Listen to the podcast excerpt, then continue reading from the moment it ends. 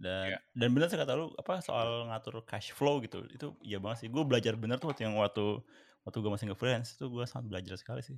Karena ada ada kayak kayak jadi kayak kayak kayak petani gitu loh. Ini musimnya lu panen gitu kan. Brr, banyak banget. Besoknya dua bulan kemudian sawahnya kering gitu nggak bisa ngapa-ngapain lagi gitu kan. Ya pas justru pas di nggak ada project itu gue jadi mikir apa? Iya. Iya berarti gue salah ngatur duit nih. Gitu. Awal awalnya kalap nggak sih kayak wah gue dapet projectnya Iya sekian bener bener sekian bener juta bener bener. rupiah bener. gue bisa hura-hura abis itu ternyata oh ini ternyata sekian juta ini untuk hidup gue setahun ke depan nih Iya bener bener. bener.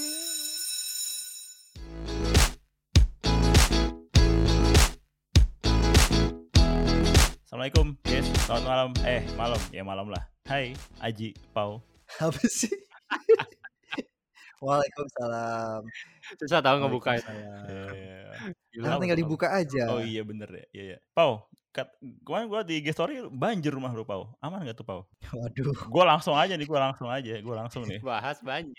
Eh, kenangan Pak jadi saya sudah mengecek di apa di eh, KBBI ternyata banjir itu kalau airnya mengalir kalau tidak mengalir namanya genangan Oh. Oh. Pak.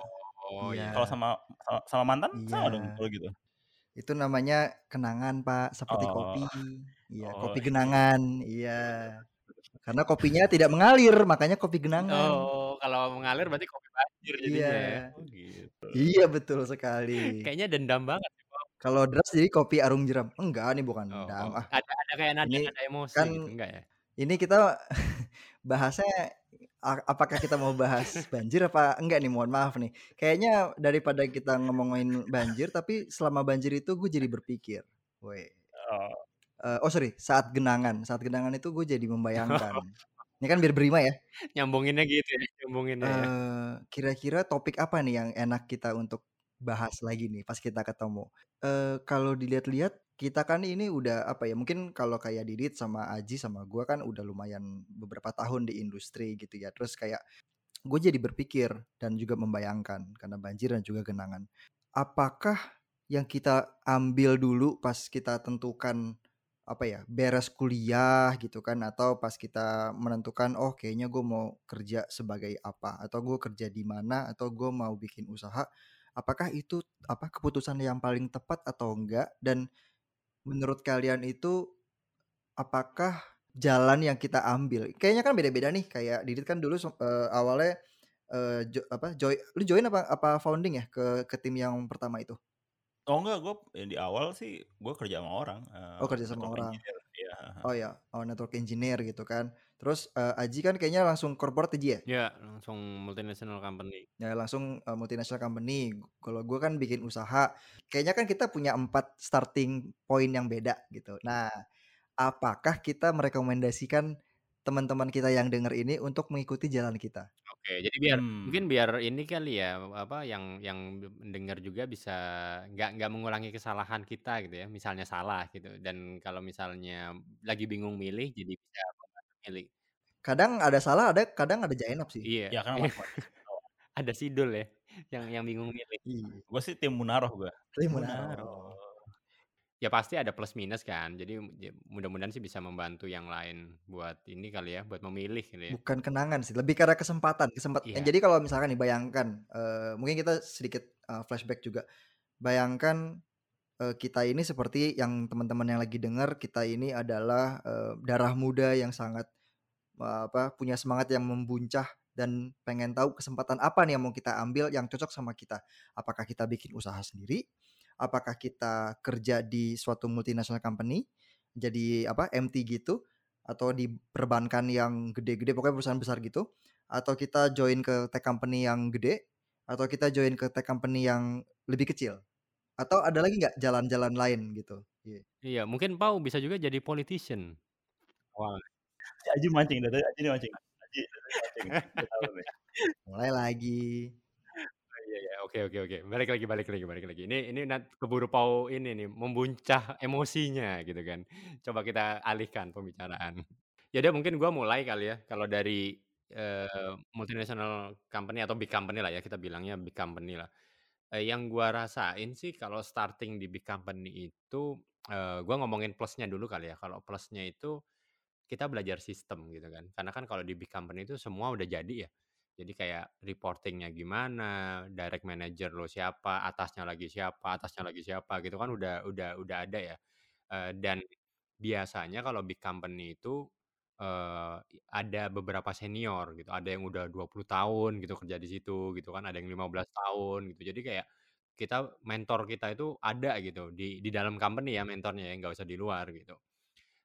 Itu itu yang itu yang gua yang gua rasain gitu. Jadi gua belajar belajar di dalam sistem dan belajar dari senior gitu. Tapi mungkin kalau kekurangannya, mmm, lo itu jadi kayak ngerasa ikan kecil di tengah samudra gitu, karena kan gede banget gitu kan. Lo itu nggak kagak kelihatan gitu kalau anak baru di big company gitu, ini siapa gitu kan. Kayak yang di atas lo yang gede-gede itu udah udah banyak gitu. Jadi kayak lo itu harus kayak lebih show off kayak lo itu kayak nothing banget gitu loh, karena lo itu masih baru, terus apalagi tadi ya, di big company itu kan ada yang 20 tahun gitu, dibandingin sama lo baru masuk itu, ya lo nggak ada apa-apanya lah gitu kan. Jadi kayak bener-bener lo harus lebih lagi nih gitu, supaya exposure-nya dapet gitu ya di di luar. Ya kadang-kadang akhirnya itu bikin orang kayak menjilat bosnya lah, atau akhirnya politik sana sini lah, supaya, "Oh ini bos ini, eee, kayaknya banyak exposure-nya, gua nempel deh," kayak gitu-gitu. Jadi akhirnya ada ada lumayan ada politik office-nya jalan lah. Gitu sih yang gua rasain dari mulai Mmm, dari di tapi lu sebagai tapi lu sebagai ikan kecil, eee, asupan makanan aman dong? Aman. Maksudnya lu sehat dong sebagai ikan kecil, mungkin itu Sehat plusnya ya? sehat sehat. Jadi kalau kalau lo itu tidak punya big goal, aman benernya gitu. Lo kenyang-kenyang juga gitu kan, ya udah lo main aja di circle lo gitu kan. Tapi kalau lo punya kayak, "Wah gua pokoknya harus ini nih, 5 tahun lagi gua harus jadi ini." Nah itu agak lumayan menyiksa sih. Eh, tapi kan nggak salah kalau misalkan, eee, oke gue mau join company gede ini, karena harapannya gue bisa dapetin mentor dan gue tahu bisnisnya dalam 3 tahun gue akan keluar dan gue bikin sesuatu. Itu juga nggak ada masalah kan? Gua eh sorry bukan bukan hal yang salah kan? Enggak enggak enggak enggak enggak salah, bener bener. Gua gua juga dulu sebenarnya mikirnya juga gitu gitu. Jadi kayak, "Oh ini mumpung gua di big company, eee, gua belajar banyak-banyaknya dari mentor-mentor tadi," gitu. Cuma kadang-kadang gini, Mmm. Pau, masalahnya itu adalah lo buat akses ke mentor-mentor tertentu, lo itu juga butuh politik gitu. Kayak, wah Oh oke, iya mentor ini iya iya tuh iya. grup A, mentor ini tuh grup B gitu. Jadi lo kayak harus ya politik lah, karena kan makin gede makin gede company itu kan makin grouping-grouping gitu ya. Jadi mereka ada grup grup grup grup gitu kan. Kayak lo ini trupnya siapa Mhm. nih gitu, wah ini trupnya si A nih, ya udahlah nggak usah di-share informasinya, yang kayak Tapi kan juga kalau di company gede gitu kan ya. Nggak bisa diajakin makan gitu ya? Bisa bisa. Gimana gimana, Dit? kalau di company gede Sorry. kalau company gede itu enaknya kan lu punya track karir yang jelas kan. Lu bisa naik sampai bany na Mhm. naik banget gitu kan, jelas kan ada kayak gitu-gitunya kan? Iya, bener. Tapi masalahnya yang punya track itu semua Iya. orang kan, Dit. Lo harus ikut ikut-ikutan Iya. juga kan. Kayak lo semua misalnya nih katakanlah di dalam tim gua 10 orang gitu ya. Nah terus 10 orang ini punya track yang sama buat satu posisi di atas kita, kan akhirnya kita lumayan Ya paling juga kan. paling nggak kan ada Heeh, maksud gua kan kan ada ada lintasannya gitu. Masalahnya kok kayak di perusahaan kecil kan cuma 2 layer gitu, antara lu jadi bawahan atau jadi bos Iya, langsung gitu bener. kan, ya nggak bisa ke mana-mana juga gitu. Nah iya, nah coba nggak kalau yang di perusahaan kecil gimana kalau starting-nya? Tadi tadi kan kayak kata Didit tuh mulainya cuma 2 layer gitu. Nah karirnya gimana tuh kalau di perusahaan kecil? Oh gue sih waktu itu bukan kecil-kecil banget ya, ya waktu gua masuk size-nya tuh sekitar 90-an orang kurang lebih. Sekarang sih udah gede, sekarang udah kayak ber berapa ratus orang lah, tapi pas gua masuk masih segitu perusahaannya. Itu ya mungkin sama kayak lu di bagian udah ada jalur yang jelas ya. Jadi kalau agak sedikit latar belakang si perusahaan tempat gua kerja ini, tadinya tuh perusahaan gede. Terus tapi, eee, kayak ber beberapa orang di atas itu akhirnya mem memisahkan diri dari perusahaan yang gede ini gitu. Jadi mereka bikin satu company, ya bidang network lah, infrastru infrastructure, eee, jaringan komputer gitu ya. Mereka bikin perusahaan itu gitu. Dan jadinya kulturnya tetap kultur perusahaan gede gitu, ada ada KPI gitu kan, gue nggak tahu-tahu KPI, gue tahu, oh ada ada kayak ginian ya, ada KPI, ada targetnya, ada apa, ada divisi ya dengan pembagian job yang jelas banget, satu divisi sama divisi lain itu bedanya apa gitu kan. Eee, menurut gue tuh menarik karena buat gue yang baru lulus dan masih buta soal apa itu kerja gitu kan, anak kecil cuma taunya kerja anak SM anak kuliah lulus kuliah cuma tahu kerja ya kerja, beresin kerjaan gitu kan. Ya gue nggak tahu bahwa ternyata, oh ada layer bisnis ya, ada layer politik juga bahkan sama klien gitu, atau ada apa, ada faktor sopan santun kalau ketemu klien gitu kan. mesti bener gimana gitu bener. dan kalau kita ngomong sama klien A, karena klien A sama klien B ini kompetitor, kita nggak boleh ngomong hal yang sama ke klien B gitu. Ada kayak gitu-gitunya kan yang gue nggak tahu sebelumnya gitu. Itu tuh itu itu itu penting banget tuh, itu gue ngerasain banget di tim gue sekarang ya, di pemimpin ID itu kan kita berempat belas berempat belas dan rata-rata anak-anak muda semua gitu. Itu, dan mereka rata-rata fresh grade semua gitu kan. Itu kagak ada yang bisa nulis email resmi. Kayak anjir lah, itu res emailnya kayak berantakan banget, buset gua gitu. Nah itu itu mungkin itu yang yang yang yang yang ngebedain ya kalau gua dulu di big company itu kan udah ada kayak ininya, guidance gitu kan. Ini cara lo, eee, email gitu kan, cara lo ngomong ke atasan, itu udah more or less udah ada lah Dan karena atasan gitu. gu eee, atasan langsung gue ya itu udah cukup pengalaman banget lah di dunia IT gitu. Dan dia super orangnya super galak gitu ya. Jadi gue sebelum presentasi ke klien, gue tuh mesti bikin slide-nya dan gue mesti di QC dulu sama dia gitu. Wah itu bisa dibantai habis gue bikin slide-nya kayak yang, wah hancur hancur hancur banget hancur banget. Nah kalau justru pengalaman gue kan gue juga pernah di agensi ya, nggak ada tempat kerja gue yang QC slide-nya tuh se-thorough di tempat pertama ini gitu. Gue bener-bener diajarin cara cerita gitu sama si bos gue ini gitu. Jadi apa, ya dari situ gue ngerasa bahwa ya dan sekarang gue masih look up look up ke dia, maksud gue masih ngerasa bahwa dia salah satu orang yang paling berpengaruh dalam karir gue gitu. Jadi gue ngeliatnya justru dengan punya atasan yang senioritasnya jauh di atas lo gitu, lo jadi punya akses ke apa, pengalaman dia gitu. Mungkin kelebihannya kayak Aji, kayak tadi kan Aji mungkin nggak bisa langsung dapet mentornya ya. Kalau gue karena layer-nya agak kecil, jadi gue bisa langsung dapet mentor dari si orang yang super pengalaman ini gitu. Cuma emang susahnya, jadi si perusahaan itu kan emang kalau pas gue masuk jadi kayak cuma 3 layer lah gitu. Jadi jarak dari gua ke direktur itu cuma kayak 3 lapis lah gitu. Jadinya buat buat gua saat itu kalau gua mau apa, mau gua gua mau naik ya susah karena kan 3 lapis ini tuh pendek banget ya gitu, nggak mungkin gue bisa langsung naik gitu. Akhirnya sekarang si ini pas gua lihat jadinya agak lebih ngembang nih, jadi udah lebih kayak ada 8 layer lah sampai ke atasnya gitu. Jadi kan bisa ada jenjang karir pelan-pelan gitu. Itu sih yang yang gue rasain. Iya iya. Iya itu itu yang itu yang, eee, gua gua rasain juga dulu sih. Tadi tapi, eee, tadi, eee, kalau untuk urusan ke mentor gitu ya, eee, co contohnya nih ya, kayak misalnya gua, eee, kebu u untungnya pada saat itu dapat akses yang lumayan karena misalnya, eee, karena perusahaan Jerman gitu kan, banyak lulusan Jerman gitu ya, jadi sesama lulusan Jerman dibantuin kayak gitu. Tapi teman-teman gue yang kayak start-nya sama, sama persis levelnya sama, itu kagak dibantu cuy, cuma gara-gara kayak, "Wah lu, eee, anak sini lu, anak mana?" Gitu. Nah itu kayak gitu-gitu tuh iya, itu, eee heeh, lumayan gitu. Kalau Pau Pau lu mulai dari mana Pau? Dari nol sih. Dari nol ya? Kayak. Kayak Pertamina? Pertamina. Yoi. Kayak kode nol. Kalau gue, eee, nah itu mulainya dari mana ya? Eee, kalau bener-bener mulai kerjaan itu project. Cuman kalau misalkan yang tapi itu project-nya ini sih kayak nggak nggak bukan yang full time gitu sih. Tapi kalau yang kayak full time itu berarti gue dari, eee, freelance dan juga akhirnya bikin sendiri gitu, bikin usaha sendiri. Eee, tapi awal awalnya sendiri, apa, awalnya literally sendiri gitu, as a freelance gitu kan. Nah, mmm, kalau itu pengalamannya beda lagi. Kalau tadi kan, eee, masuk company itu dapat mentor, bisa bisa dapat mentor ya atau bisa ada tersedia mentor di tempat kerjanya gitu kan. Nah kalau kerja sendiri itu, ya karena kerja sendiri ya kita nggak punya temen atau even nggak punya senior yang ada di tim kita gitu kan.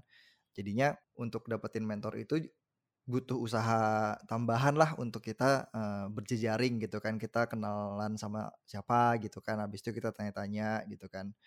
Nah tapi itu juga nggak mudah sih untuk kita dapetin mentor, terutama kalau kita bikin usaha pertama kali gitu kan, yang kita mungkin belum kenal, eee, teman-teman yang lainnya lah yang sama-sama bikin usaha gitu kan. Cuman plusnya, eee, ya dapat freedom-nya iya, iya banget dapat freedom. Tapi freedom bukan berarti bisa leha-leha ya. Eee, apa, freedom-nya ini ya kita bisa me-manage, eee, apa ya, load yang mau kita kerjain, kita bisa me-manage, eee, pace kerja yang kita mau tentukan gitu kan, mmm, walaupun nggak segitu manisnya ya. Cuman resikonya juga tinggi karena ya kita kerja buat kita sendiri berarti, eee, pemasukan juga tidak tidak ada yang menjamin gitu. Yang yang yang bisa menolong yang bisa menolong kemaslahatan kita adalah kita sendiri gitu. Itu mungkin Mmm. plus dan minus bercampur gitu ya. Jadinya, eee, di awal-awal tuh apa ya hidupnya tuh lumayan roller coaster lah gitu Hmm. roller coaster untuk nyari dapetin klien gitu kan dapetin project habis itu delivering eh, terus ternyata ada hal lain di luar teknis yang harus dikerjain kayak gimana nego gimana pitching gimana reporting gimana invoicing bagaimana menunggu invoice cair dan seterusnya Eh, terutama di menunggu invoice cair ya jadi Kayaknya ada ada ini ada trauma di situ ya. enggak eh kalau kalau trauma eh, justru itu bagian yang paling pusing Benar, sebenarnya kalau eh, orang menjaga cash itu menjaga cash flow menjaga cash flow. Tapi menjaga menjaga mana- managing cash flow iya managing cash flow tuh tr- tricky lah bisa dibilang gitu tapi Pau kalau misalnya itu Eh, tadi kan eh, apa eh, eh, sisi yang memang apa mungkin challenge-nya gitu ya. Kalau lo bisa share mhm. positifnya apa Pau? Yang paling lo kayak bersyukur banget lo ambil ambil langkah itu dulu gitu. network sih ada ada network kalau kalau gue lihat kenapa karena karena kan itu apa ya pas gua pas gua mulai itu kan pas komunitas startup juga mulai gitu ya eh, 2012 2013 gitu kan banyak orang bikin startup banyak kompetisi banyak meet up itu yang jadinya eh, jadi kenal lebih banyak orang dan akhirnya dapat lebih banyak opportunity itu sih yang yang gua rasa itu valuable banget gitu network dan dan ternyata memang eh, ke depannya juga banyak banget opportunity datang dari network yang kita punya, dari yang kita kenal gitu kan. Itu nilai plusnya. Masalah minusnya belum tentu network itu bisa di capitalize. Artinya belum tentu bisa diduitin, eh, belum tentu dapat project gitu. Jadi eh, kita dapat freedomnya, kita dapat networknya, tapi eh, masalah duit itu urusan lain gitu ya. Masalah project itu urusan lain. Mungkin itu sih yang yang apa eh, yang bisa di pelajar apa ya yang bisa diambil lah gitu dari dari pengalaman untuk bikin usaha sendiri. Nah kekurangan gue dulu adalah karena gue nggak punya background bisnis atau gue nggak punya background untuk berwirausaha, challenge gue adalah bagaimana gue ngeran bisnis. Bikin produknya gue nggak ada masalah, maksudnya bikin, bikin apa ngedeliver projectnya gue nggak ada masalah, tapi running bisnis itu yang gue masalah. Nah kalau gue bisa mengulang waktu, gue mau uh, cover itunya dulu gitu. Gimana sih uh, mekanisme suatu bis bekerja itu seperti apa. Nah, karena gue dapetinnya tuh benar-benar trial and error gitu loh. Dan karena di awal tuh nggak dapet mentor dan gua, karena waktu itu juga nekat, itu mungkin agak agak bodohnya gitu ya, nekat banget.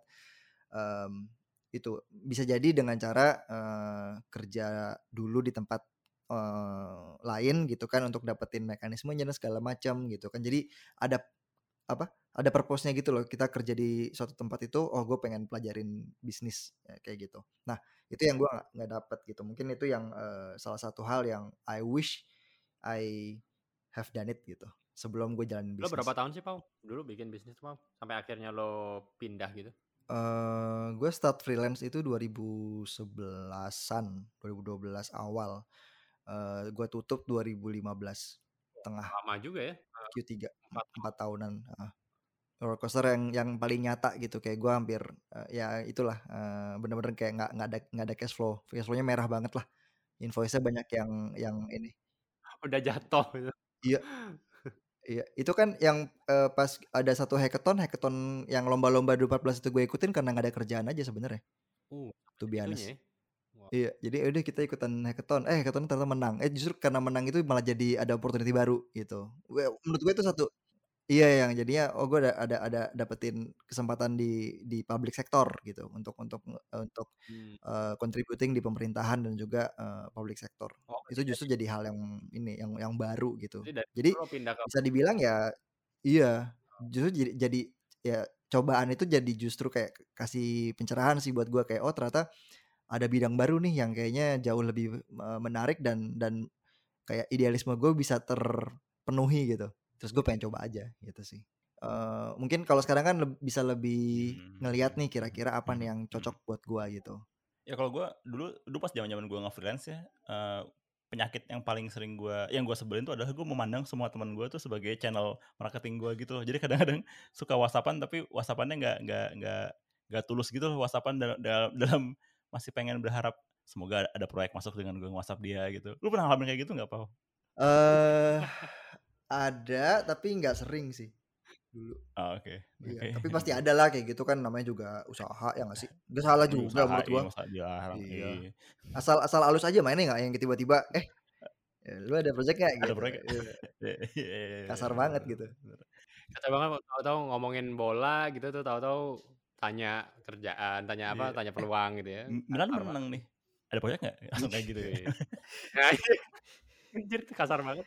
Eh, tapi tapi gitu nggak sih, eee, apa, Dit, kalau misalkan ada meet up gitu kan, terus kayak kita, eee, ya spend berharap. nongkrong-nongkrong gitu terus tiba-tiba, "Oh ada ide nih kalau bisa kalau kita collaborate," gitu kan. Justru Iya justru iya iya banyak iya iya. banyak ide-ide menarik untuk kita bikin, eee, apa ya, inisiatif baru dengan kita nongkrong sih. Iya, setuju gue, Dan itu it setuju. dan itu menurut gue satu hal yang kita nggak bakal dapat kalau kita kerja 9 to 5. Betul betul Iya. betul. Dan Iya. dan bener sih kata lu, apa, soal ngatur cash flow gitu, itu iya banget sih. Gue belajar bener tuh waktu yang waktu waktu gue masih nge-freelance, itu gue sangat belajar sekali sih. Karena ada ada kayak kayak jadi kayak kayak kayak petani gitu loh, ini musimnya lu panen gitu kan, brr, banyak banget, besoknya 2 bulan kemudian sawahnya kering gitu, nggak bisa ngapa-ngapain lagi gitu kan. Ya pas justru pas di nggak ada project itu, gue jadi mikir, apa, Iya. Iya berarti gue salah ngatur duit nih gitu. Awa awalnya kalap nggak sih kayak, "Wah gue dapet project-nya Iya, sekian bener bener bener sekian bener juta bener bener rupiah, bener. gue bisa hura-hura." Abis itu ternyata, "Oh ini ternyata sekian juta ini untuk hidup gue setahun ke depan nih." Iya, bener bener bener bener. Gue tuh sampai dulu, apa, dengan dengan waktu gue waktu gue pertama waktu gue pertama kali nge-freelance ya, gue inget banget, anjir ini bayarannya itu kayak 4 kalinya gaji gue di kerjaan pertama. Terus gue kayak, anjir gue kaya raya lah kalau gue setiap bulan bisa kayak begini. Kata siapa setiap bulan bakal kayak begitu. Gue inget banget. Hanya satu dalam satu Iya. tahun ya? Satu dalam ilusi. satu tahun. Bisa jadi 4 bulan itu untuk Iya, 1 tahun, bener. Ilusinya itu nyata guys ternyata ya. Iya. Pokoknya gue udahannya gara-gara gue mau Aduh. nikah, terus gue kayak, ah nggak ini kayak nggak nggak valid nih kayak gini caranya nih. Udahlah gue kerja lagi deh sama orang gitu. Nggak sehat nggak.